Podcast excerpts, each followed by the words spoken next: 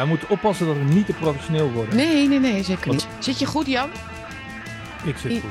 Fijn, dan kunnen we gaan beginnen. Jij zit niet op jouw eh, vaste plekje, maar je zit in Zeeland.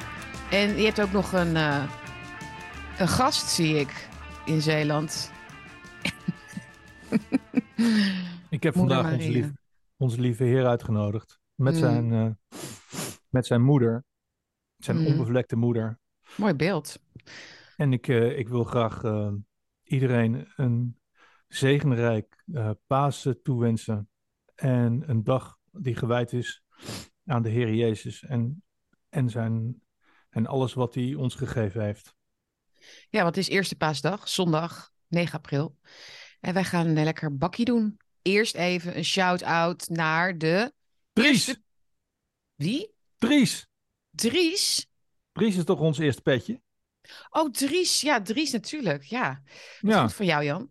Ja, de petjes af. We hebben dus een nieuw donatieplatform, kanaal, hoe noem je dat? Petje af. Eh, dat linkje staat hieronder trouwens. En dan kun je vanaf 5 euro per maand kun je al bakkie buddy worden. Hoe leuk is dat? En dat hebben dus een aantal mensen al gedaan. Dus dank daarvoor. Je kunt ook gewoon een eenmalige donatie doen natuurlijk eh, via White Donate hieronder. En deel en like ook onze uitzending. Daar help je ons ook heel erg mee. Even kijken. Wij gaan het hebben over de podcast van de koning.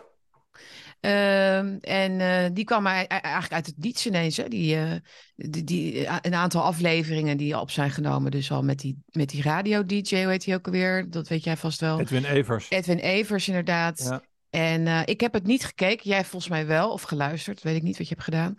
Maar in ieder geval, ja, wat vinden we daarvan? We gaan het even hebben over de Hegelian dialectic. De Hegeliaanse dialectiek. Ehm, in relatie eigenlijk tot wat we nu zien. Hè? Wat, tot woke met name, maar gewoon linkse politiek. Ehm, de dialoog, is er dialoog? En waar dient de dialoog toe? Wie, en wat zei Hegel daarover? Ehm, wat hebben we nog meer? Ja, natuurlijk. Pasen, het, het hele het idee van. Pasen. Jezus. En ook ehm, ja, de, de herinnering aan het offer eigenlijk. Hè? Het offer wat het einde moest maken aan alle offers. Eh, aan mensenoffers. En wie weet daar meer over dan, dan René Girard, het zonnebokmechanisme. Dat, eh, René Girard was een antropoloog. Hij is een paar jaar geleden overleden, helaas. Want hij had denk ik over deze tijd heel veel interessante dingen kunnen zeggen.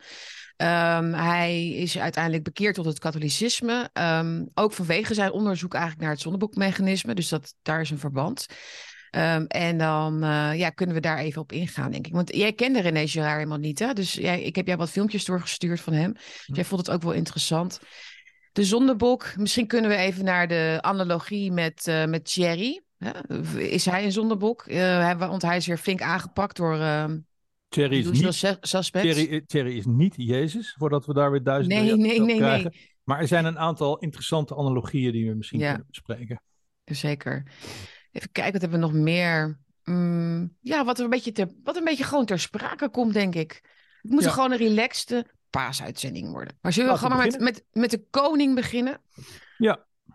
Dus de fysieke koning, zeg maar, dus Ja. die nu nog eh, volgens eh, nou ja, de grondwet eh, aan het hoofd staat van onze regering. En natuurlijk ook moreel ons leidt door de bange dagen. Ja. Ja. Nou, ik zag het eigenlijk al een klein beetje aankomen eh, met die treinramp. Want eh, Mhm. ineens was daar Willem. Nou ja, Eh, terwijl je echt iets hebt van, ja Willem, waar, wa- waar was je de afgelopen jaren? Ja. En ineens met een treinramp met, met, met één dode mm, stond hij daar in zijn kaplaarzen. in- ja, heel erg Being There te spelen, die film. mhm. Dus ik had al zoiets van, er is iets aan de hand. Maar wat is er aan de hand?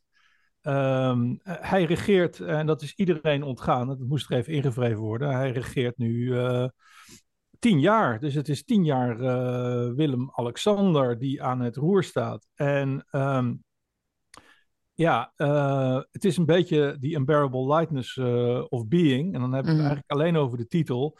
Namelijk in, in tien afleveringen, want wij hebben ook een tweede lustrum. Eh, in tien afleveringen Ja. ben ik in Bersma. Is eh, veel meer gebeurd dan in het hele leven van, eh, van, van onze koning. En Mm. zijn, zijn invloed op het land is, eh, is, ja, is nihil. Eh, en ik heb dus die podcast-serie met Edwin eh, Evers tot nu toe geluisterd. Eh, ja, en het, wat mij bekruipt is een, is een, is een enorm medelijden. Uh, daar, zit een, daar zit een hele lieve meneer. Uh, die doet wat zijn moeder zegt. En anders uh, de, de, de chef van zijn kabinet of zo. En hij tekent wat dingen. En hij zit mm. in zijn, zijn joggingbroek zit hij, zit hij te zoomen. En ja. ja hij, doet wat zijn vrouw zegt. En, ja. en, en weet je, en dat vind ik. Dus ik vind het geen slechte jongen. Alleen dit is geen koning. Een koning luistert niet naar zijn moeder. Een koning doet wat een koning doet, namelijk zijn volk leiden en inspireren. En met grote waarheden komen en grote fouten maken, grote, mm grote bombastische fouten maken en zo. Maar hier zit een meneer, meneer die zegt: Ja, ik teken op het, uh, op het lijntje wat, uh, wat me wordt aangegeven. En dan krijgt iemand een lintje en dan kijk ik en dan teken ik dat. Mhm. En ja, voor de rest is het een. Ja, het is een eh, PR-offensief. Ehm, ik ben heel erg benieuwd naar de komende uitzending. Ik ga het allemaal luisteren. Maar het is, ja, het is heel erg. Het ja, het is heel erg Oblomov. Ken je Oblomov van Goncharov? Nee. Het is gewoon, het is iemand die eigenlijk, je, je, je stelt het hem je voor als de hele tijd op de bank liggend met de PlayStation. En dan komt er af en toe komt er een lakai binnen en dan gaat hij wat tekenen of zo. En dan, en dan gaat hij dan met, met mhm. vakantie. En dan zegt, uh, dan zegt zijn, uh, zijn groentabruid, die zegt van... Uh, Lex, je moet boodschappen doen nu. Vergeet de sinaasappels niet. En dan sloft mm. Lex naar de supermarkt. En ja. overigens deed, deed, overigens deed Olomov dat niet eens. Maar het, is, het is heel erg gewoon... Ja, niks. Ja, ik, ik moest altijd zo hard lachen om die Lucky TV-imitaties. die toen, weet je wel, bij De Wereld Door werden gemaakt. Met Maxima en Willem-Alexander met die stemmetjes. Weet je, weet je dat nog? En, en toen dacht ik van, maar zo is het gewoon echt ook. Nee, zo is het niet. Nee, zo is het niet. Uh, okay. Nee, want, want de maker van Lucky TV, die heeft een karakter om hem heen moeten bouwen. Ja. Een soort plat Haags uh, karakter om hem heen moeten bouwen om het leuk te maken. Hmm. Als je deze jongen uh, live ziet, die ik overigens twee keer de hand heb mogen schudden. Oh. Um, maar um, in de studententijd. dus daar zeg ik verder niks over. Het is een prima kerel, niks aan de hand. Um, maar hij, heeft geen, hij heeft geen greintje van zichzelf. Mm. Er zit geen Vlatte die Impaler in, er zit geen Karel de Grote in, er zit geen Nicolaas II in.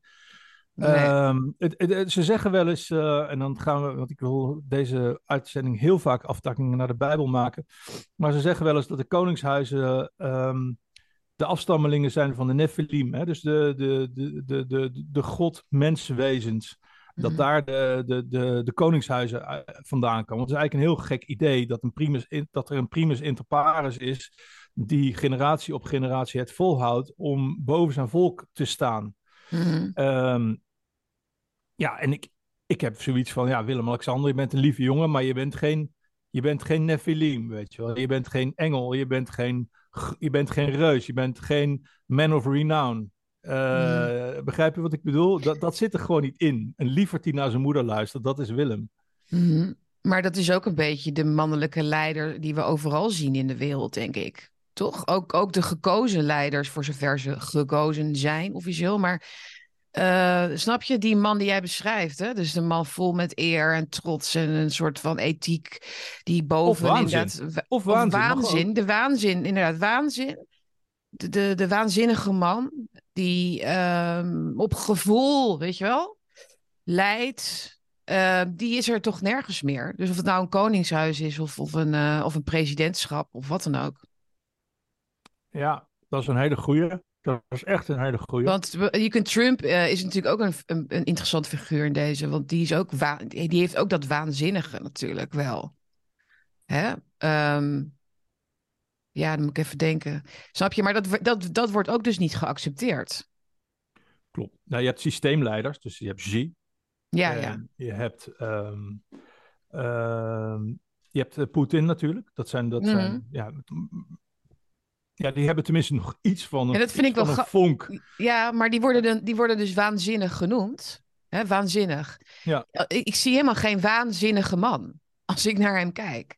Nee. Ik zeg naar mij niet dat hij niet een soort snode plannetjes kan hebben of zo. Maar hij is niet, het is toch niet een waanzinnige man die daar staat? Nee, maar krankzinnigheid ja. is een van de laatste argumenten Ja, eh, dat is die zo. men heeft. Dus eh, als iemand krankzinnig is, hoef je niet naar hem te luisteren. En Nee. kun je iedereen die wel naar hem luistert wegzetten Mm. als eveneens Ja. krankzinnig. Precies. Dus eh, nou ja, het is eigenlijk hetzelfde als wat ze met Jezus. Ja, maar wat Even- weet nog, ja, maar even over, nog over, over die podcast hè, van Ja. Willem, Willem Lex.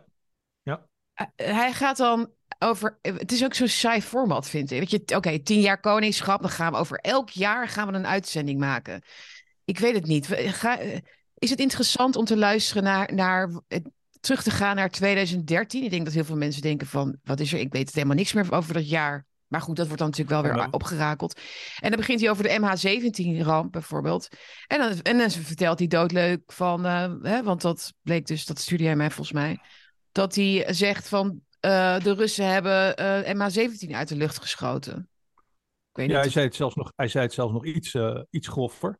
Nou ja, de koning is onschen, onschendbaar in ons, in ons systeem. En hij Ja. maakt zich hier schendbaar aan mee. Want iedereen die de opname heeft ge- gezien van eh Kolomoisky, die, de, de, de- de- ja, de man die op, overigens op de Zuidas bankiert, die, eh, ja, die, de Oekraïense oligarch eh Kolomoisky, die gewoon op camera toegeeft van Mhm. ja, eh, jongens, eh, heel kloten van, die, van dat vliegtuig. En het was een foutje en we hebben het per ongeluk gedaan. Dus, ehm, en die Kolomoisky is niet de, een, de eerste, de beste, de biel of zo, weet je wel. Dat is een van de machtigste mannen ter wereld die Mhm. dat op camera zegt. Dus ik kan me niet voorstellen dat hij daar een grapje over maakt. En iedereen lult daar maar lekker overheen. Ja, Eh, maar hij geeft gewoon toe dat hij eh, op zijn minst eh, een mededader is. Overigens eh, begrijp ik uit de laatste tweets van, van Erik van Beek. Die daar fantastisch werk in, in Mhm. verricht in dat MH17-dossier. Een hele moedige journalist. Erik Beek volgens mij op, op Twitter uit mijn hoofd. Dat er wellicht van beide kanten geschoten is. Mhm. Eh, maar dat de Russen alleen op brokstukken geschoten hebben. Nu pakken we wel een enorme zijstraat. Maar de- Nee, de, koning, de, koning, de koning neemt een, neemt een stelling in Mhm. die, nu, die nu heel erg eh, fashionable is. Van eh, Ja. de Russen hebben het gedaan, de, de Russen zijn slecht en zo. Maar het internet vergeet niks. En hij heeft dit over vijf jaar nog gezegd. En of de Mhm. werkelijkheid over vijf jaar nog steeds goed is, Ja. ik vraag het me af. Dus Mhm. je ziet ook hoe moeilijk het voor zo'n jongen is die niet al te intelligent is. Ja, om als het ware eh, een goed programma te maken. Want- Ja. Dus hij moet wel heel veilig binnen de, binnen de kadertjes blijven lopen. Ja, Om niet enorme rampen te veroorzaken.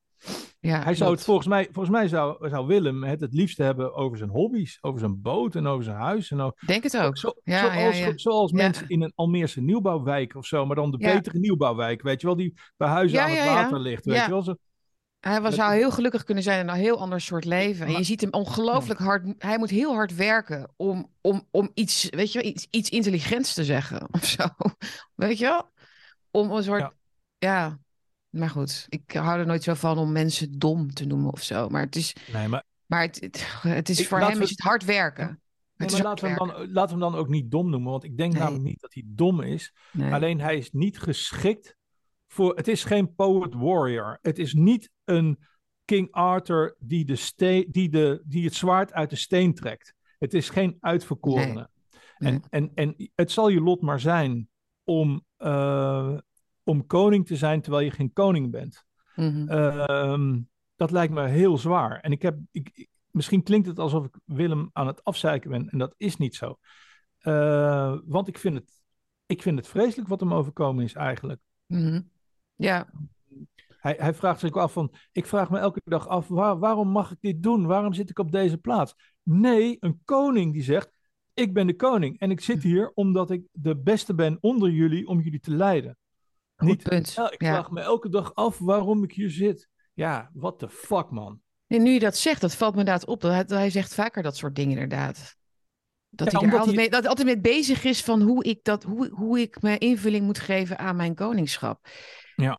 Wat, ja, wat vermoeiend als je dat elke dag moet afvragen. Ja, waarom denk je dat, ze waarom denk je dat ze die vrouw ernaast hebben gezet? Ja, ja. Ik denk niet dat Maxima zich eh, elke dag afvraagt waarom ze dit Nee, mag doen. Die weet precies wat Die, die, die staat op, die springt uit bed eh, en die heeft die, en, en die, die, Die gaat met, met, met haar hakjes naar de, de eerste afspraak om geld weg te geven aan weet ik veel wie. En nee hoor, met haar uh, STG-speeltjes op. En nee, die vindt het heerlijk. Die vindt het heerlijk. Zo, Absoluut. Willem, vanmiddag naar Klaus. En dan nog even naar het Caribisch gebied. Daar nog even wat geld weggeven. Mensen aan de digitale euro in Afrika. Ja, echt. Volgens mij moet onze eerste LP moet volgens mij uh, jouw, jouw imitatie zijn. Want ik denk dat dat echt een hit wordt. Jouw imitaties van, van Kaag en Maxima. En wie had je ja. vorige week nou? Um, weet je ook weet het niet. Ik, ik, weet, ik, of ik, ik, weet niet of ik imiteer. ik doe gewoon ik probeer me te, te verplaatsen en dat gevoel. Wat, nou ja, laat maar. Maar misschien, ik denk dat die imitaties wel steeds beter kunnen worden als we ze vaker doen. Dat we ze perfectioneren. Weet je wie een koning is? Wie is een koning? Weet je wie een koning is? Jezus. Ja, ja ik dacht al. Ja. Jezus is een koning. Hmm, zo is het. Hoe gaan wij, Jan, van dit naar Hegel? Want daar kwamen we voor, na de laatste uitzending, zeiden we meteen, we moeten iets met Hegel. We moeten iets met Hegel. Dit wordt natuurlijk helemaal geen filosofieles. Dat komt, dat komt, hier, dat komt hier, hier vandaan. Uh, uh, iedereen heeft het over Hegel. Uh, iedereen die zichzelf intellectueel iedereen. acht. ja, maar in de, in de, in de, in de podcastsfeer, de hogere, mm. heeft het over, ja, we zitten in een Hegeliaanse situatie. Dus mm. oplossing. Uh, hoort het? Uh, probleem, ja, zo bedoel je. Net als wat mensen heel vaak zeggen: Oh, dit is een Kafkaeske situatie. Ja, ja, of dit is echt super Orwell, wat ik hier zie. Is, er, is er dus nu inderdaad ook zoiets van een Hegeliaans iets? Dat duidt dan, dat, maar wat duidt dat dan aan volgens jou? Nou, ik wil, mag ik een iets andere insteek uh, Zeker? pakken? Dat mag. Wij eindigden, nee, we eindigden niet, maar midden in de vorige uitzending zei hij iets wat in mijn ogen heel briljant was. Dat is namelijk. Um, de, de, de litanie uh, van, van een lientje die opsomt wat er allemaal mis is. Mm. Uh, in, het, in, het, in het land, wat er allemaal fout gaat en uh, dat soort dingen. Yeah. En dat mensen niet keihard nee zeggen. Nee, wij zijn de baas hier als parlement. Wij zijn de baas van Nederland. Wij eisen nu van jullie dat jullie dit of dat gaan doen. Mm -hmm. Nee, mensen gaan lamenteren. Mensen gaan, gaan vragen. Waarom, Rutte? Waarom doe je dit toch? ja, ja. Oh, waar, uh, Rutte, uh, waarom ben je zo slecht? En wat ze ook heel vaak doen is uh, laten zien wat Rutte allemaal fout doet. Kijk, Rutte, je hebt mm. dit gedaan en de toeslagenaffaire. En toen heb je dat gedaan. En Kijk naar ons. Kijk naar, Kijk en, naar ons. Ja. Dat, ja. En wat ze, wat ze ik, ik vergeleek het op Twitter als spieringjes in een emmer. Je hebt de visser Rutte en zij zijn de spierentjes in het emmer. En ze zitten allemaal van, visser, visser, waarom hebt u ons, waarom hebt u ons gevangen? Uh, mm. Wij zijn maar arme voorentjes, zitten heel weinig vlees aan ons. Uh, waarom is dit, doet u dit soms voor de lol om ons te pesten? Of waarom vangt dit, u ons precies, Dit is toch een misverstand? Dit moet op een misverstand berusten. Exact. Toch Jan? En, en, en ja. dus het, het, het, het, de Hegeliaanse dialectiek wordt mm. toegepast door ons, maar niet door de regering. De regering doet niet aan Hegeliaanse dialectiek, want mm. die geven geen centimeter. Mm. De, de, de, de, de regering en het WEF en de, en de VN en de WHO doen niet aan Hegeliaanse dialectiek. Die willen niet in het midden uitkomen. Ja, we moeten even hele... uitleggen wat het is, Jan. Want nu wordt het te, te onduidelijk, blijft het te onduidelijk, denk ik. Hegeliaanse dialectiek uh, is, uh, hoe kan ik het even heel kort samenvatten? Uh, Hegel geloofde in een soort van de vooruitgang van ideeën en denken via stapjes, als ik het zo even mag noemen. Dus via met vallen en opstaan. Dus er is een idee, daar komt dan een, een, een, een these, uh, daar komt dan een reactie op, een antithese.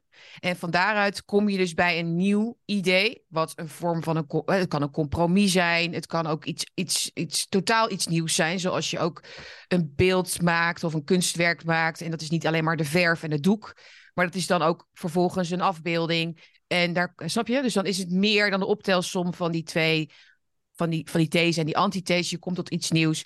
En vanuit dat nieuwe, de synthese, komt ook weer een reactie. Enzovoort. En zo ontwikkelt de menselijke geest, hè, de reden, zegt hij eigenlijk, de reden is ontwikkeld in, uh, in eeuwen. Hè, dus vanaf het begin, hè, de, in de oertijd, hè, het begin van de mensheid, leefden mensen eigenlijk nog heel erg in een soort, in een soort soep, hè, een bewustzijnssoep dus alles was heel subjectief. Zoals een baby dat ook is, hè? dat zegt hij ook. Dus de, de baby die, die geen onderscheid kan maken tussen hem en de wereld. Nou, dan, dan vervolgens wordt de mens zich bewuster van die wereld. Uh, en gaat daar eigenlijk mee aan, de, aan, aan, aan, um, aan het werk. Van wat, wat, wat is nou waarheid en zo. En zo kom je steeds dichter bij de waarheid, zei hij eigenlijk. Dus de absolute waarheid.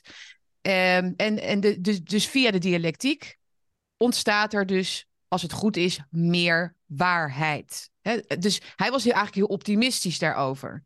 Van de mens ja. kan dus steeds meer ken, komt tot steeds meer kennis en steeds meer, meer waarheid over wie hij is maar ook over wat, ja, wat die werkelijkheid nou eigenlijk is. Nou, ja. ik zeg dus, ik, ik vind dus dat het ook een Hegels fout was eigenlijk, om dat te zeggen, dat ideeën zich doorontwikkelen, want ze worden dus ook gebruikt.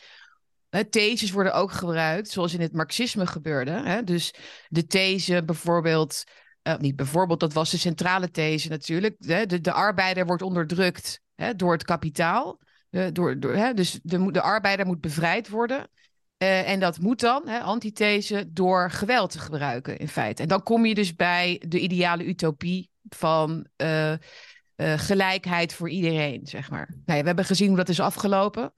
Dus, dus het is ook een, een middel, een instrument voor mensen met macht om in een valse synthese te komen. Of in een vals idee van synthese te komen. Dus het, is, het is een misbruikbare theorie. Ja. Op het moment dat jij valse valse theses poneert, ja. krijg je vals. Als je uitgaat van stikstofproblematiek, dan heb je een valse these. Mm -hmm. En dan krijg je dus een, dan krijg je dus een antithese op basis van een leugen. Klopt. En dan krijg je dus ook een synthese op basis van een leugen. Mm -hmm. Dus de, de, de, ik denk dat Hegel op zich een goede peer was en en het heel goed bedoelde. Alleen, ik denk dat hij zich geen rekenschap heeft gegeven van het feit dat er ook wel eens valse theses gebaseerd op Ja. helemaal niks. Ja. Uh, een dodelijk Ja. virus, uh, stikstofproblematiek, CO2-politiek. Ja, nou, institutioneel klimaatpolitiek. racisme. Institutioneel, Institutioneel racisme. racisme. Dat is een hele, eh, hele, hele ontwrichtende these. Eh, ook eh, de onderdrukking van de vrouw. Hè? Dat is er ook eentje. Eh, het idee dat, dat, dat, dat, dat er geen genders zijn en zo. En dat er geen Maar- binaire geslachten zijn. Of nou ja, noem maar nog Klopt. maar eens een paar op. Maar- Dus die hele woke, dus in de woke-ideologie zie je dus heel erg die dialectiek totaal ontsporen. Hè? Dus eh, net omdat woke in feite ook een eh, uitvoering is van marxisme natuurlijk. Maar dan, maar dan niet de economische variant, zeg maar. Dus niet de arbeider versus eh, de, het kapitaal, maar de, het individu versus het collectief, zeg maar. Dus het is Ja. cultureel geworden. Klopt. Maar, het doel ik- is hetzelfde, overigens. Maar wat dus de conclusie waar ik toe ben gekomen, is dat Ja. dus onze Tweede Kamer en onze maatschappelijke organisaties, behalve overigens wederom FVD en Jezus. Eh, eh, nee, serieus. Maar je denkt een grapje maken, want dat is echt zo. nee, maar ik ben gewoon een beetje Eh, eh, in een bui. Jezus, Ik ben deed, beetje... Jezus deed niet aan Hegeliaanse onzin. Die, heeft Nee. gewoon, die maakte zijn eigen verhaal en die gaf geen ene millimeter toe in wat hij ook deed. Mhm. Ehm, en dat doet de FVD ook niet. En gek genoeg doet de regering dat dus ook niet. Dus ik noem even de regering, noem ik even, dat is alles. Hè? Dus de wereldregering, de WHO, de VN, eh, mm. dat soort dingen. Maar wat zie je dus in de Tweede Kamer? Die spelen dus wel Hegeltje. Dus die, die, die lamenteren en die zoeken naar een goed middenstukje. En misschien kunnen we dan de boeren tot 35 laten zitten en dat soort dingen. Mhm. De regering is aan het touw trekken. En de regering eh, die heeft gewoon zoiets van, zodra ook maar, zij ook maar enige zwakte zien bij de tegenstander, dus enige toegift, dan trekken ze alles naar binnen. Mhm. Mhm. En, en de oplossing zit hem dus hierin, en dan grijp ik terug naar de vorige uitzending waarin je dat zei. Jij zei nee, nee is de enige oplossing. Nee is de enige oplossing en eventueel een terugtrekkende beweging. Dus als Frans Timmermans zegt, ja, de, de, nadat, nadat ik de boeren, de veehouders, eh, de vissers eh, eh, gemold heb, ga Echt. ik nu de, de, de, de, tuinbouwers ga ik nu slopen. Ja, Dan echt. moet, iedereen, dan moet iedereen in Nederland zijn hele tuin vol bouwen met tulpen. Dan moet iedere boer tulpen gaan verbouwen. Dan moeten we tulpen gaan vreten. Dan moeten we tulpen in onze hoed steken. Dan Mm. moeten we Ja. de straat bezaaid liggen met tulpen. Dan moeten we niet zeggen: Oh ja, Frans, waarom ben je zo onaardig? Waarom moet de tuinbouw nou ook kapot? Eh, is er nog niet genoeg stuk, Frans? Nee, Frans is Nee, niet. nee, nee, nee. Frans is, maar, Frans is maar vijf minuten tevreden na zijn laatste verovering op, Ja. op, de, op, op, op iemand die die heeft kapot gemaakt. Of een, een of Ja. andere plannetje wat hij weer heeft uit kunnen, kunnen doordrukken. Eh, nee joh, die, die, eh, ja, die heeft toch ook Maar- een eredoctoraat of zo gekregen. Dan zag je me ook zo, zo staan, zo van, ha. Hm, maar ook dat je weet dat hij de dag daarna alweer ontevreden is. Het is voor hem alleen maar een spelletje. Het is echt die hollebolle gijs in, in de Efteling. eh, ja, we gaan, het, we gaan het ook nog wel even over hem hebben. Maar ik, ik wil nog even inderdaad... ja, nou ja, goed. benoemen, in- benoemen dat het een heel goed punt is van jou. En ik ben blij dat je het daarmee eens bent. Dat dat nee veel sterker is. En dan inderdaad de, in de antithese schieten van... Want dat zag ik op Twitter dus gebeuren gisteren. Want er stond, het stond dus in de Telegraaf, dat bericht over die tulpen. foto van Frans Timmermans erbij. Weet je wel, dat hij bij die tulpen staat. Eh, en wat is dan de reactie van tuinders? Van... eh, wij, wij mogen dus niet meer eh, bestrijdingsmiddelen gebruiken, eh, afwisselen met bio, biologische bestrijdingsmiddelen, waardoor we resistentie krijgen. Dus weet je, lost in the weeds, letterlijk, hè? Zo Ja. heet dat dan. Dus dan ga je dus reageren met, oh nee, maar als we dat gaan doen, dan, dan, dan ontstaan er meer ziektes. Nee, ja, natuurlijk. That's the whole point. Dat, dat, Ja. er dus, dat het niet meer lukt dan. Snap je? Je Ja. moet zeggen, wij gaan wel tulpen we gaan wel, we gaan meer tulpen verbouwen. We gaan meer En tulpen verbouwen. Overal, overal koeien. En overal Mm, paasvuren. echt. Overal, echt overal. Niet alleen in het oosten van het land.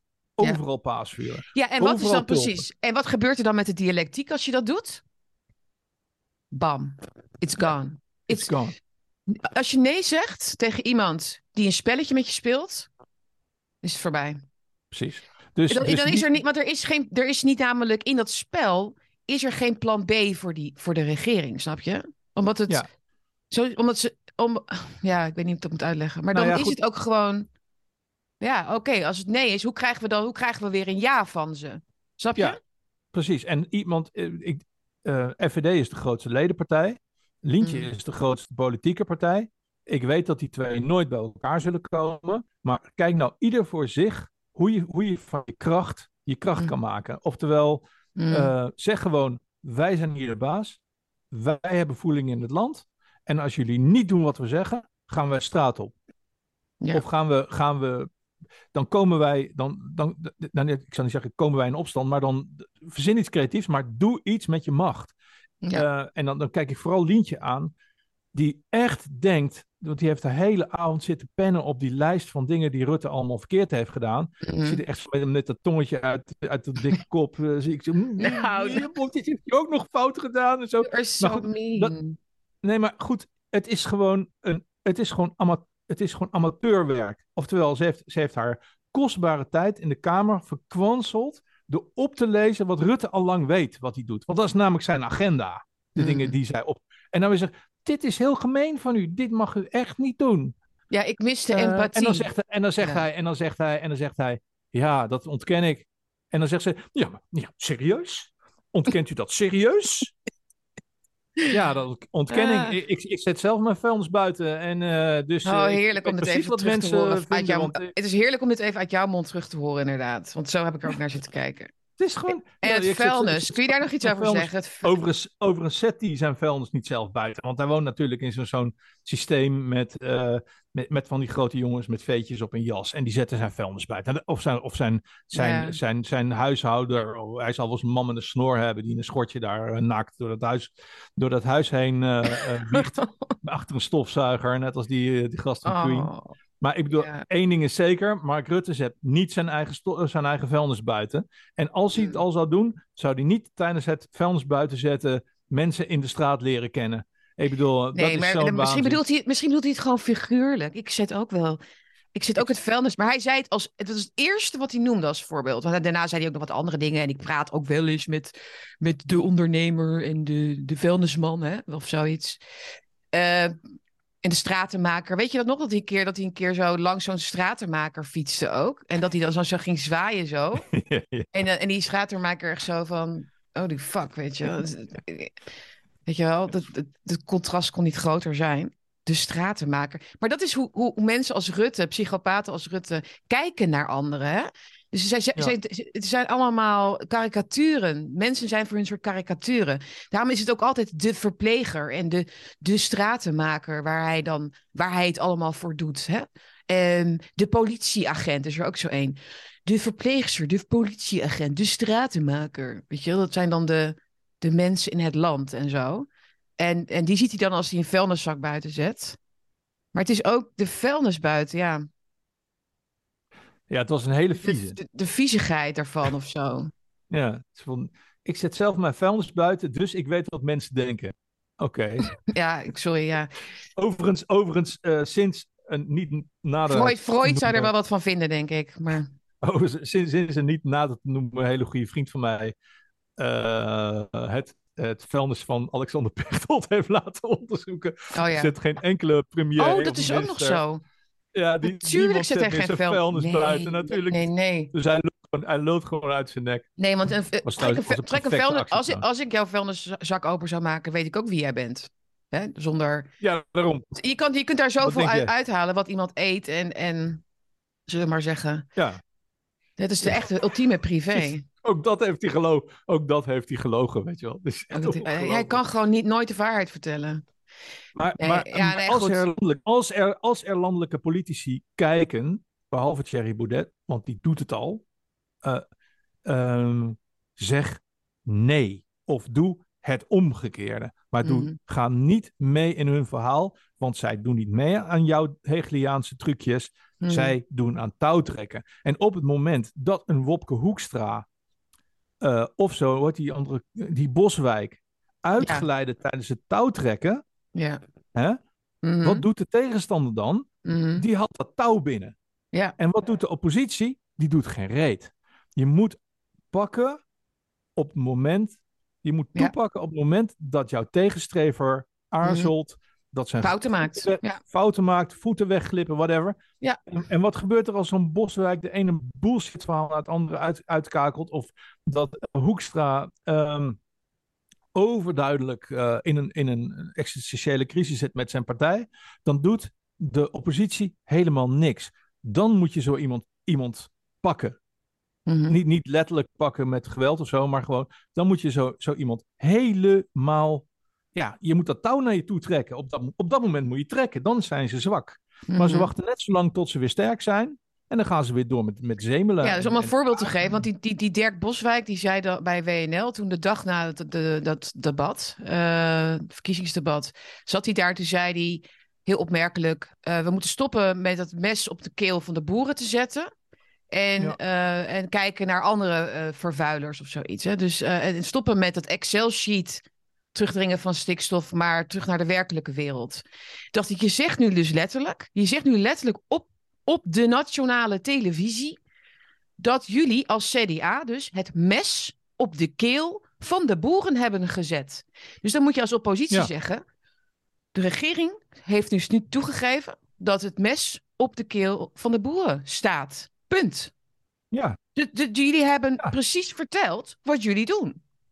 Niet om de boeren. Hè, dus het hele verhaal van wij willen eh, eh, eh, boeren ehm, eh, een soort vooruitzichten geven en opties geven en, en, en zekerheden geven. En, maar het duurt even en zo. Nee, dat is dus niet gebeurd. Dus het was een mes op de keel. En hij bedoelt het natuurlijk Precies. anders. Hij bedoelt, we gaan dat nu anders doen. Maar hij geeft eigenlijk toe wat er dus aan de Ja. hand is.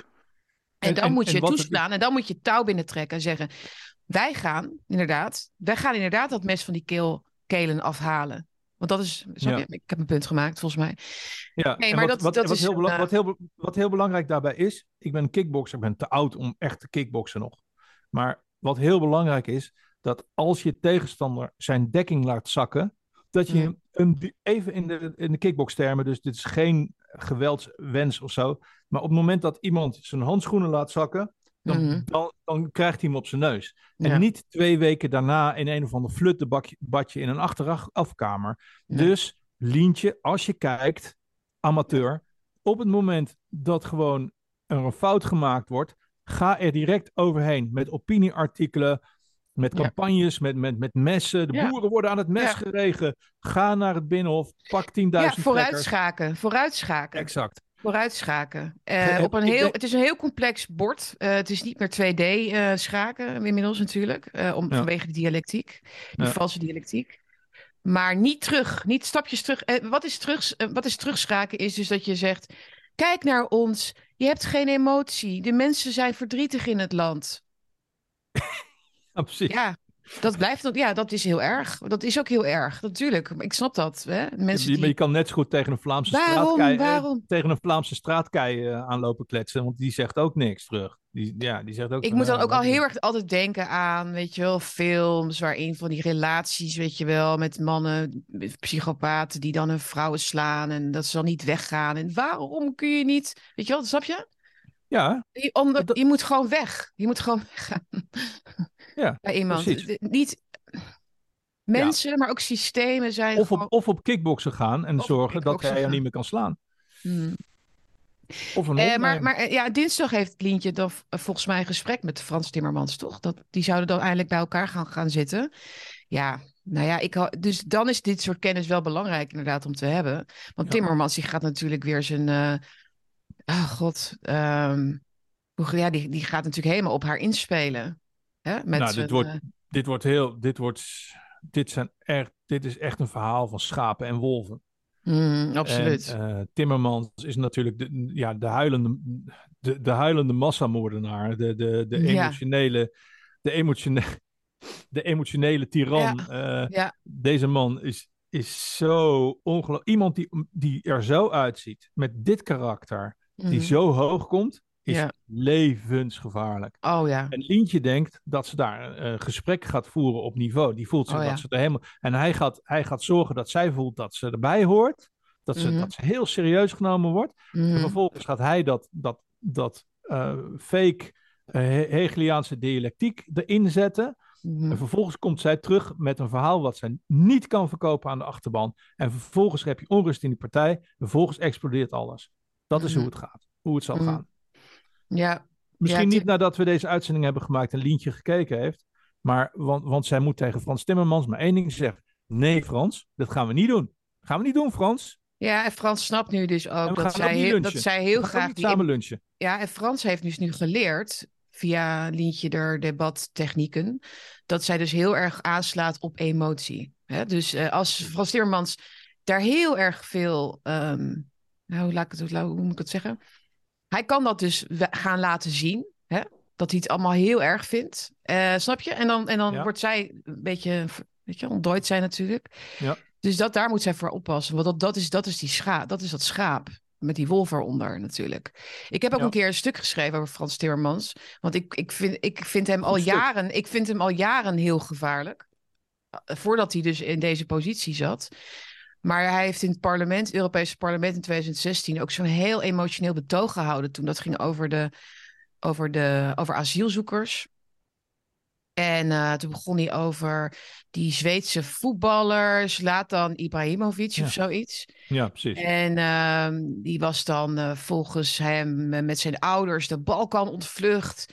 En hij is nu een trotse Zweed. En Zweden is trots op hem, weet je wel? Woord Maar wat bleek gelopen. nou? Het bleek dat Slatan is gewoon in Zweden geboren. En het was dus ook niet waar. Het, het is ook al, alles moet ook altijd een leugen zijn op een of andere manier. Ook, ze kunnen niet eens de waarheid spreken om hun leven te redden, hoor, die mensen. Maar ook die voorbeelden zijn dan niet waar. Maar ik zei daar dus over. De titel van het stuk was ook: De sentimentaliteit van Frans Timmermans is een daad van agressie. Ik zie zijn sentiment, de emotie die hij laat zien, is agressie, vind ik. Ja. Dat is gewoon letterlijk hoe ik dat registreer van binnen, zeg maar. En ik schreef dus van: de, eh, Timmermans gedraagt zich als een begrafenisstoet waar iedereen netjes voor stilstaat op de weg, zodat hij voorbij kan rijden. Je toont als voorbijganger respect, ook al is de dode een onbekende voor je. Het geeft dan blijkbaar niet dat hij liegt. Dat over dat, die slaat dan. Het geeft blijkbaar ook niet dat hij uitsluitend een beroep doet op de traanbuizen van toehoorders, zo, om zo op autoritaire wijze goede intenties te verheffen boven de complexe werkelijkheid. Het geeft blijkbaar niet dat in zijn happy ending de vluchtelingen zullen blijven. Wat rechtvaardigt al deze openlijke slordigheden en harde leugens eigenlijk? Want Timmermans mag dan wel een begrafenisstoet zijn, ligt er eigenlijk wel een kist in de lijkwagen. En dus hij wil zo graag respect, hè? Zo'n klein jongetje, hij wil zo graag dat, ja, dat zijn goede intenties nou eens een keertje echt worden opgemerkt, Jan. Nee, we moeten de wereld, we moeten de planeet. Ik denk dat zo'n man veel cynischer in elkaar zit. Die heeft gewoon, die heeft gewoon zoiets van: hey, ik zie eruit als een gezellig, eh, een beetje emotionele jankbal. Een dik, Mhm. een beetje gezellige, dikke Limburgse jankbal. Voor de rest heb ik niet zoveel. Ik ga mijn, mijn sentimentaliteit, mijn gevoel, Ja, ga ik gewoon ten volle benutten ja. om mensen erin te luizen. Iedereen, maar ik had het volgens mij al gezegd, iedereen onderschat dit soort mensen. Die, die mevrouw van Uffelen met, met een gekke, met gekke kopie eh, ja. eh, van de Queen in Alice in Wonderland. Die mevrouw zit ondanks dat uiterlijk op die plek. Ze moet dus heel slim en heel erg gewiekst zijn. Mhm. Of zo niets ontziend dat ze overal doorheen komt. Dus zie een lichamelijk gebrek of, of, of iemand die heel lelijk is die op een hoge plek zit. Of iemand die schijnbaar zwak is die op een hoge plek zit. Eh, overigens pleit dat weer voor Willem trouwens. Maar ehm, niet, al, niet als zwak. Maar zie het gewoon. Denk gewoon van hoe komt deze persoon in godsnaam op deze plek? Die moet wel heel slim, heel vreed, heel nietsontziend zijn. Ja. Wat moet je denken over dit soort mensen? Betekenis van Pasen. Laten we daar even bij beginnen. Dan gaan we naar het, eh, het offer. Het offer en hoe zag René Girard dat? Eh, ja, René Girard is al een paar keer voorbij gekomen hè, in onze uitzendingen. Dat, eh, dat gaat soms zo. Maar we Dank gaan er je, iets, dank je, iets dieper op in. dank je, dat je dat je me op zijn pad hebt gezet. Enorm interessante man met Ja. hele interessante denkbeelden die heel veel verklaren. Ja, ja. Nee, dat is trouwens toen ik hem, op hem stuitte een aantal jaar geleden. Ik denk, nou, ik denk dat het alweer tien jaar geleden is misschien. Dat heb je wel eens, dat je denkt, aha, maar dit is zo'n, weet je, zo'n paraplu die dan ineens open gaat. Weet je wel, boven al die, al die, weet je wel, die boekjes die je dan lezen, dit en dat. En hoe de oorsprong van, van waarom eh, oorlog en kwaad en goed en zo. Maar hij begint echt vanuit een, een heel simpel concept eigenlijk. Gewoon mimesis, crisis, oorlog. Weet je wel? Ehm, en dat had ik trouwens ook hoor, met de Hegeliaanse dialectiek ook. Dat ik, eh, we gaan het niet meer over hebben, maar dat ik daar ook dacht, ah, oké, inderdaad, zo werkt het. Maar wat, wat, wat, wat trof jou daar zo in dan? In, in die, eer- want ik had jou een clipje gestuurd van een interview. Wat mij heel erg trof aan eh, René Girard, is dat hij heel veel verklaart met, een, eh, met inderdaad een hele eenvoudige, eh, eh, eh, met een hele eenvoudige stelling, namelijk dat mensen dingen willen omdat een ander het ook wil. Eh, dus niet Ja. omdat ze vanuit zichzelf eh, iets willen, maar Mhm. omdat je- de buurman een Opel Kadett heeft, wil jij ook een Opel Kadett. Anders zou je er Mhm. niet aan denken. En eh, als heel veel mensen hetzelfde willen, krijg je daar krijg je Ja. oorlog en strijd en gedoe. En wat doet, doen volkeren nou om die strijd en dat gedoe ehm, te sussen? Die kiezen een zondebok uit. Mhm. Eh, en die zondebok die, die wordt geofferd en lost daarmee alles weer op. Zodat Ja. we opnieuw kunnen beginnen. Mhm. Dat is wat ik eruit heb gehaald. Maar eh, jij bent een reclameman. Hoe heb jij dit niet... De, de, de oorsprong, zeg maar, van verlangen. Het, of de, de, het karakter van verlangen. Want dat is, dat is natuurlijk wat je dan moet begrijpen om iets te verkopen. En daarom, Ja. daarom hebben we ook die influencer-wereld nu. Hè? Dus op het moment dat een... eh, eh, hoe heet ze, die schaatster ook alweer, die Jutta of zoiets, iets draagt. Leerdam, met- en- ja. ja, en zij heeft, weet ik veel, miljoenen volgers. Dan Ja. creëer je verlangen bij, bij eh, de consument. Hè? Want dan heeft Ja. zij het om en dan en als je niks met haar hebt, dan koop je het misschien niet, snap je? Maar het is inderdaad via de ander dat we verlangen. Dus eh, een man die een hele mooie vrouw heeft, hè, die heeft. Andere mannen zullen ook naar hem kijken en verlangen naar zo'n vrouw, omdat hij haar heeft al. De, Beat- de Beatles Ja. eh, hebben hun eerste zalen ook eh, volgezet met eh, figuranten.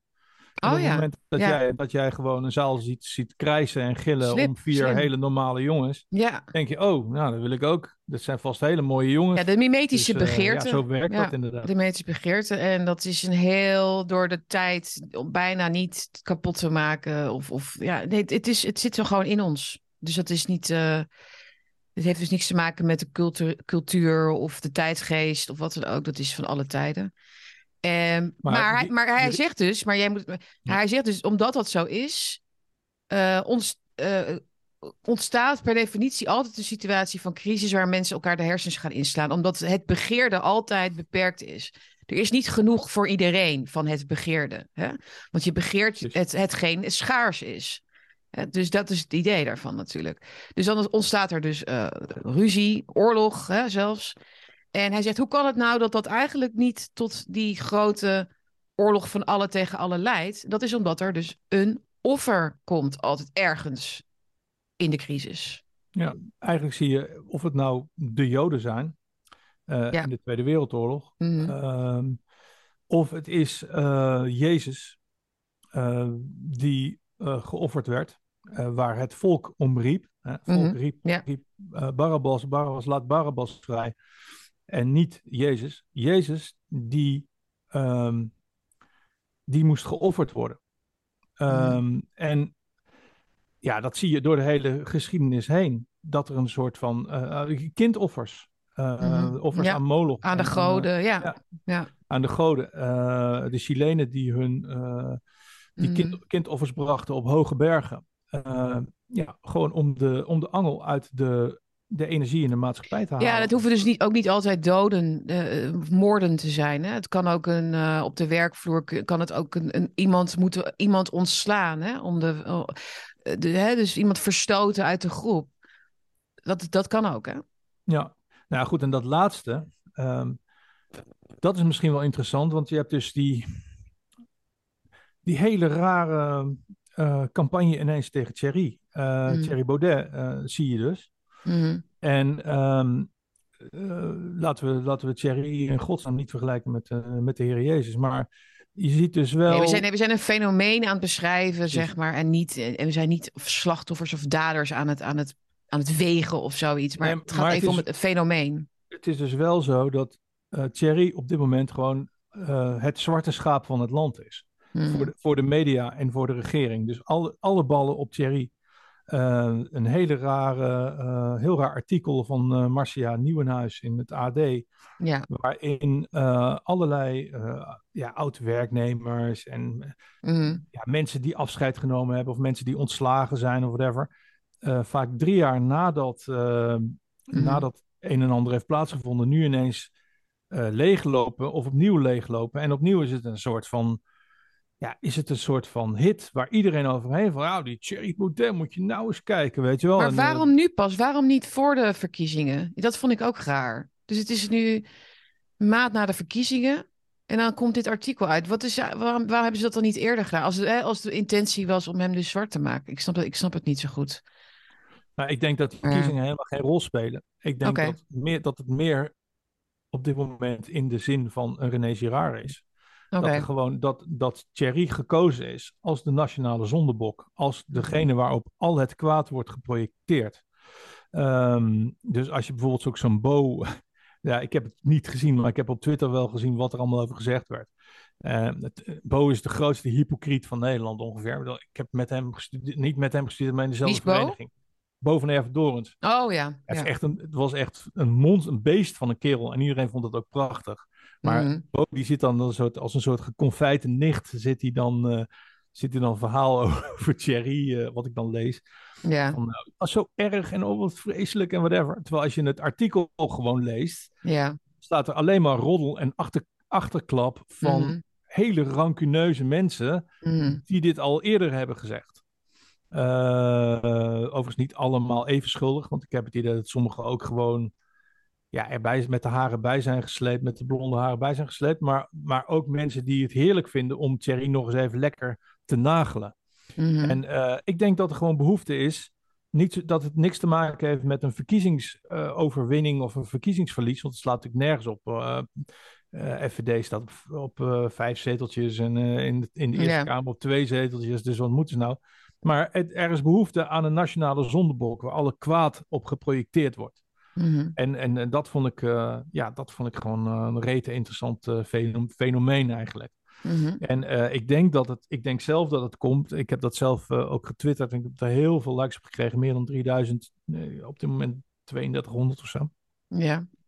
Eh, dat Thierry er gewoon van langs krijgt, omdat hij de enige is die eh, buiten de, de heiligheid, buiten de sandbox van de Tweede Kamer Ja. eh, dat hele seksuele gedoe met die kindertjes eh oh ja, heeft gemaakt. punt, ja. Ja, Ik denk dat, ik denk dat ze daar, ik denk dat ze daar, dit was Mhm. eigenlijk een moment waarop wij niet meegingen met de Hegeliaanse dialectiek. Dit was rock bottom. Mensen Ja. zeiden massaal, dit gaan we niet doen mensen. Mhm. Rot op met je transseksuelen, rot op met je, met je, met je, met je eh, beauty queen, hoe heet het, training, training, Drag queens, drag queen story hours, ja. Wij, jullie moeten gewoon met je rotpoten van onze kinderen afblijven. Ik denk dat ze daar woedend om zijn. Ja.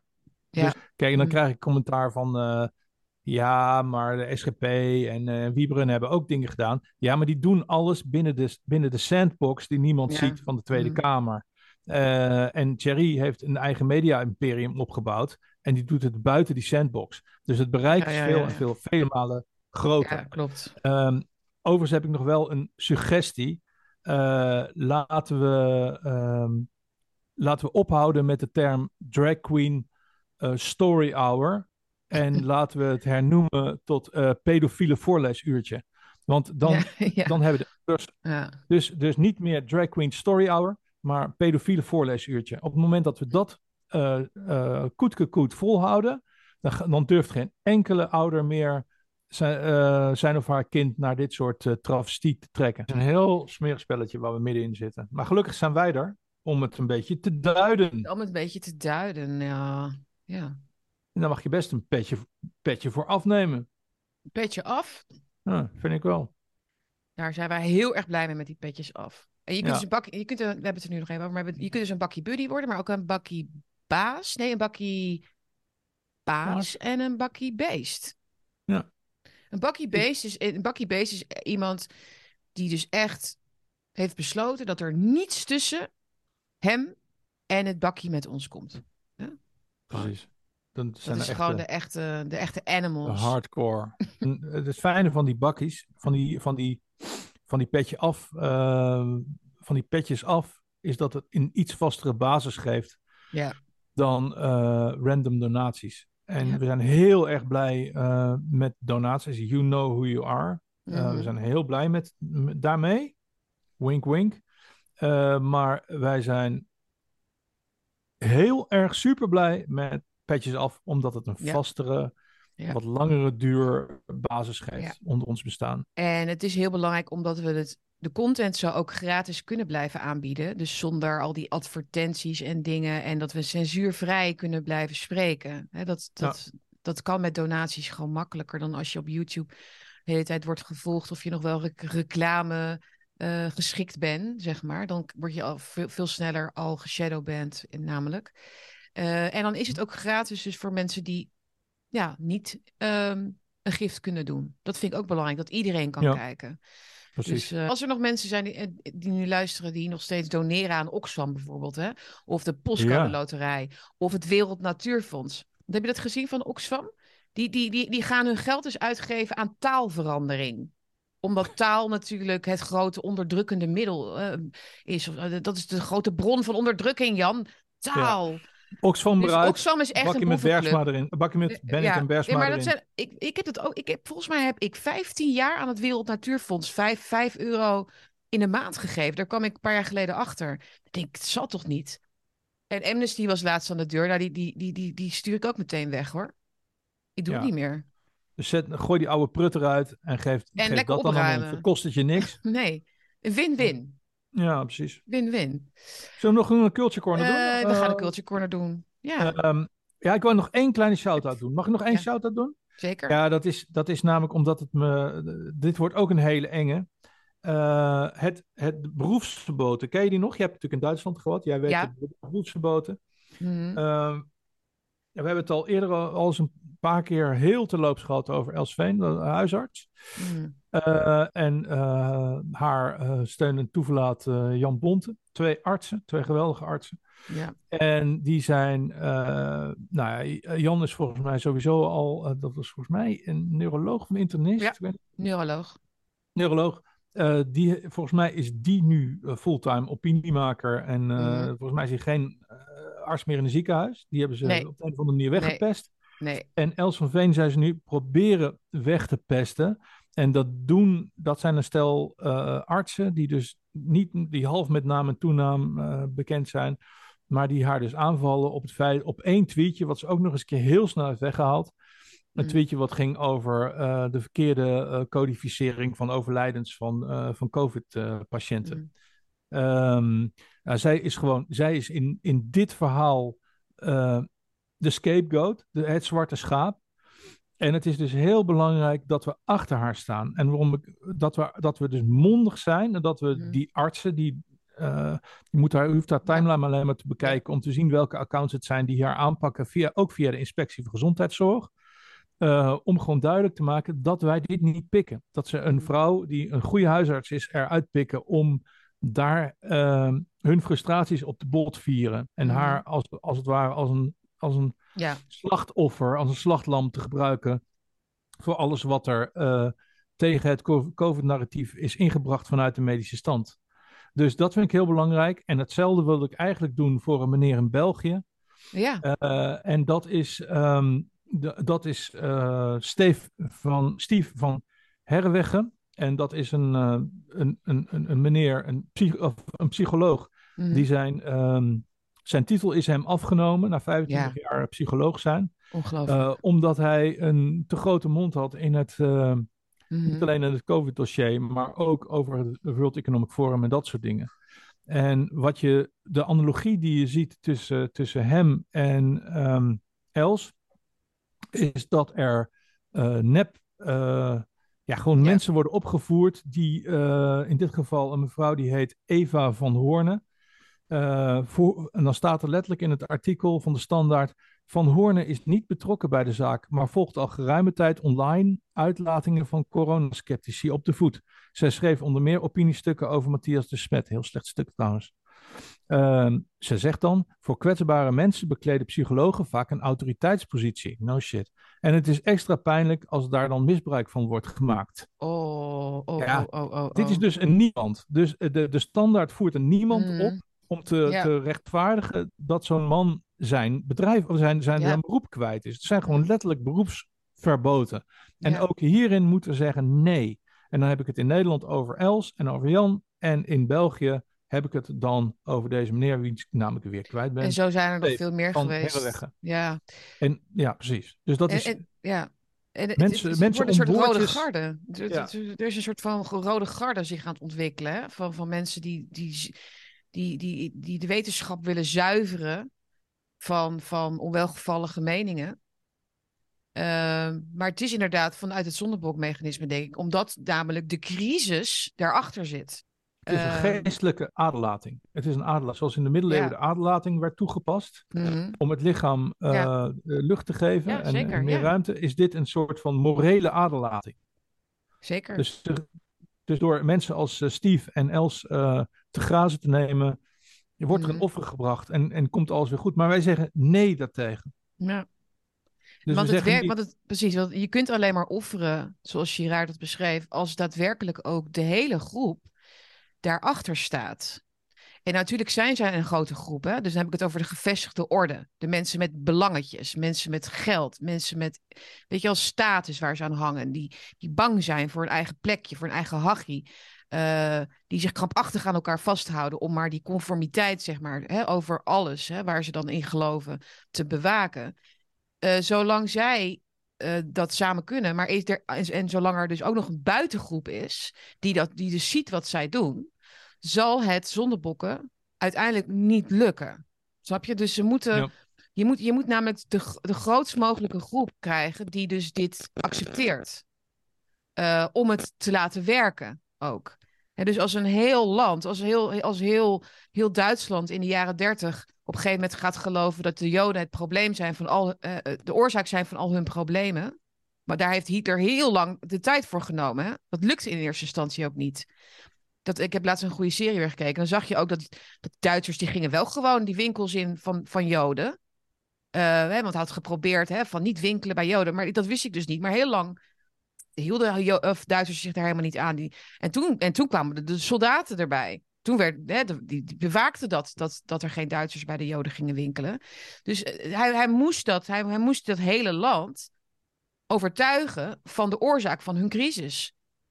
En pas dan, en pas toen dat lukte, min of meer lukte, omdat mensen zo bang waren om het op te nemen voor Joden, dat die onzichtbaar werden. En nu kom ik bij onze tijd ook, dat die onzichtbaar werden. En zo kon hij de, de, de mythe, de illusie creëren dat iedereen achter, achter zijn vervolging stond. Want het is een vervolging natuurlijk. Hè? Los van of mensen wisten wat er echt gebeurde hè? In, in die kampen. De vervolging accepteerden ze. En de vervolging werd ook geaccepteerd in Nederland. Dat, dat Joden werden meegenomen en uit hun huizen werden gehaald. Omdat niet zichtbaar was, onvoldoende zichtbaar was, dat er mensen eh, eh, eh, verzet pleegden daartegen. En alleen dan kun je het zondebokmechanisme inzetten. En dan en functioneert het ook. En worden mensen ook gesterkt in hun geloof dat het goed is wat er gebeurt. Dat het inderdaad een slechte, dat zijn slechte mensen of dat is een slecht persoon. En die, die Elsveen en die Jan Bonte, die, die, die, die, die polariseren. Maar het is ook allemaal projectie, hè? want zij zijn de oorzaak van alle problemen. Thierry Baudet is de oorzaak van uh, de polarisatie in Nederland. Hij radicaliseert. Een mooi voorbeeld daarvan is ook een stuk van, ik weet even haar naam niet meer. Zij is um, uh, Universiteit Leiden. Ik weet haar naam niet. Maar goed, die, dit soort stukken zien we vaker. Thierry, Thierry is ook uh, sinds dit stuk in ja. ieder geval uh, de, de schuld van het morele verval. Ja. Want hij gooit met flessen en hij zegt kanker en hij mm. Knijpt, maar, ja. vrouwen in hun borst en weet ik het allemaal wat hij allemaal niet doet. Nog, e-, ja, ik wil heel even dat... Ja, precies. Het stuk, anders ben ik, vergeet ik het. Wat je veel, wat je veel hoort bijvoorbeeld, hè, is we moeten voorkomen dat rechtsradicaal ideeën kaapt. Snap je? Ik, ja. ik, weet niet. Uh, die wij ook belangrijk vinden. Ja. dat stuk ging dan over het belang van vrijheid en liberalisme en zelfbeschikking en dat soort dingen. En, uh, maar rechts, uh, hè, dus Forum, maar ook andere rechtsradicale groepen, kapen die discussie of kapen vrijheid voor, en spannen dat, dat idee voor hun karretje om mensen te lokken. Hè? Te lokken. Ja. Maar wat, wat zeggen dit soort mensen die dit schrijven? Zeggen eigenlijk: wij kunnen niet opkomen voor vrijheid en zelfbeschikking en al die dingen die dus gekaapt zijn, omdat, uh, omdat zij dat hebben gedaan. Zij hebben dat gekaapt. Dus wij zitten nu, wij zitten nu vast. Wij kunnen nu eigenlijk het niet opnemen voor, voor de kinderen. Wij kunnen het ja. niet opnemen, want want, het, want dat hebben zij allemaal van ons afgepakt. Snap je? Dit is zo, dit is zo, dit is ook onderdeel van dat zondeboeken. Dat, dat is dat je, je kunt niet. De crisis waar je in zit, komt door hun. Het, dat, dat, dat er geen vrijheid meer is, dat komt door hun. Terwijl zij er voor de vrijheid opkomen. Snap je? Het is een omkering. Ja. Dus al het slechte wordt op die schouders van die ander gelegd. En ja. er is, ja, het is heel duidelijk. En, en wat ook kenmerkend is ervoor, is dat de vervolgers nooit zelf doorhebben dat ze het doen. Dat vind ik zo interessant. Dat zegt Girard ook. Ze hebben niet door wat ze doen. Echt niet, werkelijk niet. Denk je dat die mensen in het AD dat stuk over Thierry schrijven, dat als je ze zou vragen van waarom die fixatie, waarom die obsessie, want, hè, want als jij dit erg vindt dat, dat iemand flessen gooit en ik, eh, eh, helemaal uit zijn, uit zijn slof schiet tegen de medewerker, te veel drinkt, nou ja, gekke appjes stuurt, ik zeg maar wat. Dan, kun, dan kunnen we iedereen, iedereen die in de politiek. Hoe, hoe, hoe, hoe denk je dat Rutte omgaat met mensen? Rutte staat bekend om woedeuitbarstingen. Ja. Ik weet niet of jij dat weet, maar dat schijnt, ja. dat schijnt niet fijn te zijn hoor. Als hij een woedeuitbarsting ja. heeft, berg je maar. Weet je, dus het idee dat, dat Thierry als aan het hoofd van een partij, die onder, onder enorme druk staat, al jaren natuurlijk. Hij moet heel ogen in zijn rug hebben. Hij moet de hele tijd nadenken over. Uh, is iedereen nog op mijn, op mijn lijn? Hè? Want dat, dat heb je wel nodig. Het idee dat iedereen alles maar zelf mag bedenken, is natuurlijk onzin. Dus hij moet, hij moet iedereen er bij de les houden. En hij heeft ook gezien dat het niet altijd lukt, natuurlijk. En hij maakt ook fouten. Is dat erg? Weet je wel? Het idee dat hij geen fouten mag maken. Dat hij altijd iedereen. Oh, Marietje, uh, wat vind jij ervan? En ja, ik voel me wel een ben, ben een beetje boos van binnen, maar ik blijf wel heel aardig. Weet je wel? Ja, sorry, mogen we alsjeblieft gewoon mensen blijven?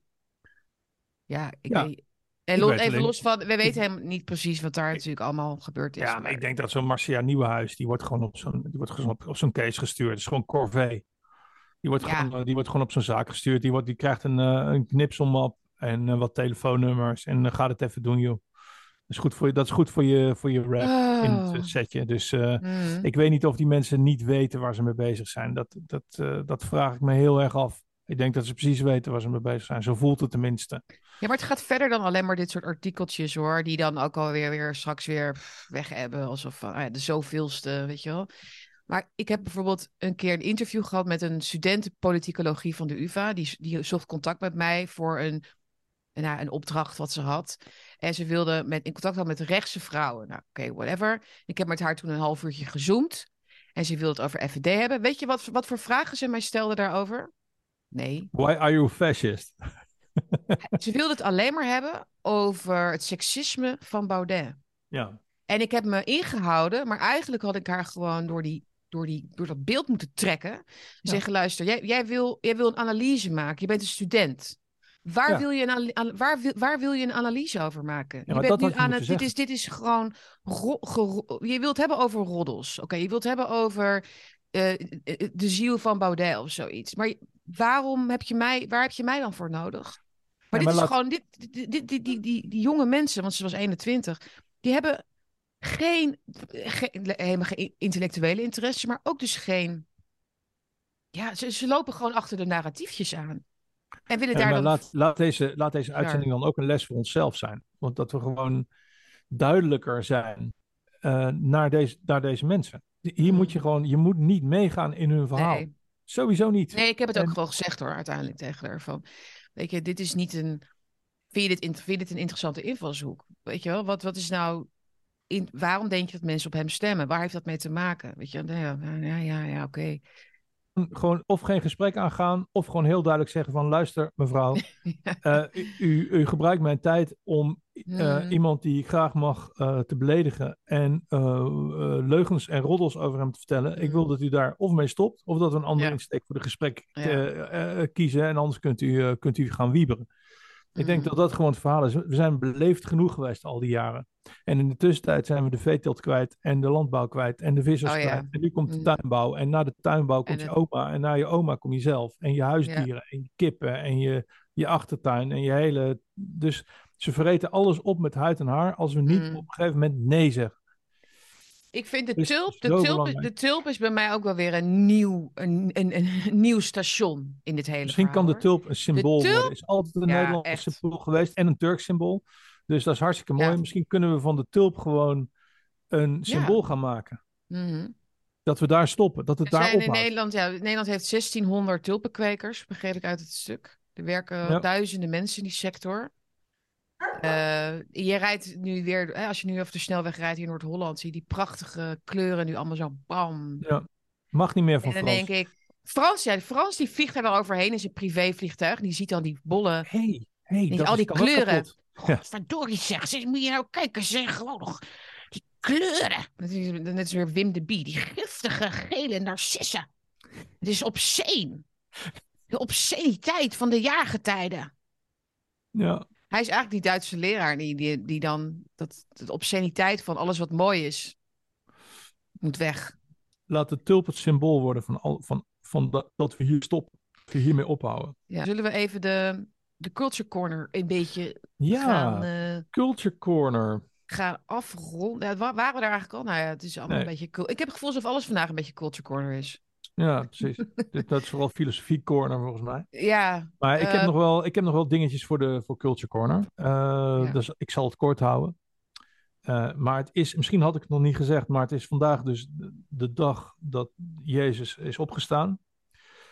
Dat is, een, een he- dat is mijn feestdag, veel meer dan kerstmis. Ehm, ja, ik weet het dat het ook de Feast of the Unleavened Bread is. En ik weet ook dat het East Star is. En ga ze maar door, maar daar gaat het mij helemaal niet om. Ehm, het is eh, voor mij het feest van de wederopstanding van Jezus. Het hoeft niet per se op deze datum te zijn of whatever, maar gewoon hoe meer aandacht voor Jezus, hoe beter. Ehm, en Jezus is eh, twee dagen, drie dagen geleden dus gekruisigd. En mensen vragen wel eens van, ja, heeft Jezus echt bestaan? of is het gewoon allemaal, is het allemaal gewoon een verhaal? En in dat kader is het heel interessant um, om te zien wat er is voorspeld over de komst van Jezus. Um, en en dat, daarvoor moet je naar de, naar de oude boeken. Uh, dus Jesaja 53, daar staan drie hele belangrijke verwijzingen in naar de komst van Jezus. En dat gaat dus, dat gaat dus best ver. Um, mm. Ik zal even kijken of ik hem erbij kan pakken. Uh, Jesaja 53. Um, daarin staat gewoon: Om onze zonden werd hij doorboord, om onze wandaden gebroken. Voor ons welzijn werd hij getuchtigd. Zijn striemen brachten ons genezing. Dus daar, Jezaja die, die heeft het over een Messias die komt. En in een aantal um, uh, uh, strovers ja, vertelt hij precies wat er gaat gebeuren. Uh, duizenden, nou niet duizenden, maar wat is het, bijna duizend jaar later. Mm dan moet ik even nazoeken, misschien iets minder later, maar laat, minimaal 500 jaar later. En wat ook heel belangrijk is, is Psalm um, 22. Um, um, en ik weet niet of je die wil dat ik die helemaal voorlees, want we zijn al heel lang bezig. Nee, nee ik zou gewoon... In Psalm 22, uh, ik ga hem dan niet voorlezen, hebben jullie dan ook weer geluk bij. Uh, maar staan zeker tien referenties naar het kruisigingsverhaal. En de, de, de, de, de, de, de psalmen zijn geschreven door David. En David zit veertien generaties van Jezus af.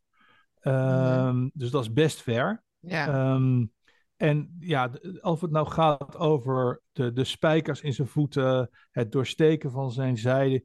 Um, uh, maar het allerbelangrijkste is dat Jezus op het moment dat hij aan het kruis uh, hangt uh, of gespijkerd is, dat hij zegt: um, uh, My God, my God, why hast thou forsaken me? Mm-hmm. Why art thou so far from helping me and from the words of my roaring? En zo begint ook Psalm 22, mm. geschreven 800 jaar eerder. Ja, wauw. Ja, schiet mij maar lek. Ja, hè? Dat is best heel knap. Mm. Um, dus allemaal Psalm 22 lezen, dat is, uh, dat is werkelijk uh, prachtig. Ja. Um, en ja, vandaag gewoon denken aan Jezus en hoe belangrijk Hij is voor ons. Als houvast en fundament voor het bestaan. Zeker, en daar gaan we het vaker ook over hebben. En eh, ik hoop dat mensen daar ook de betekenis achter zoeken waarom wij dat doen. Omdat, we het, omdat deze wel eens niet is, hè? bijna zo kan je het noemen, um, waar we nu in zitten, deze oorlog, een spirituele is geworden.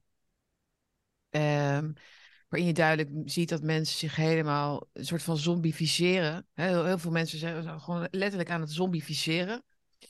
De oorzaken daarvan, dat kunnen we een andere keer bespreken, maar dat, dat zie je.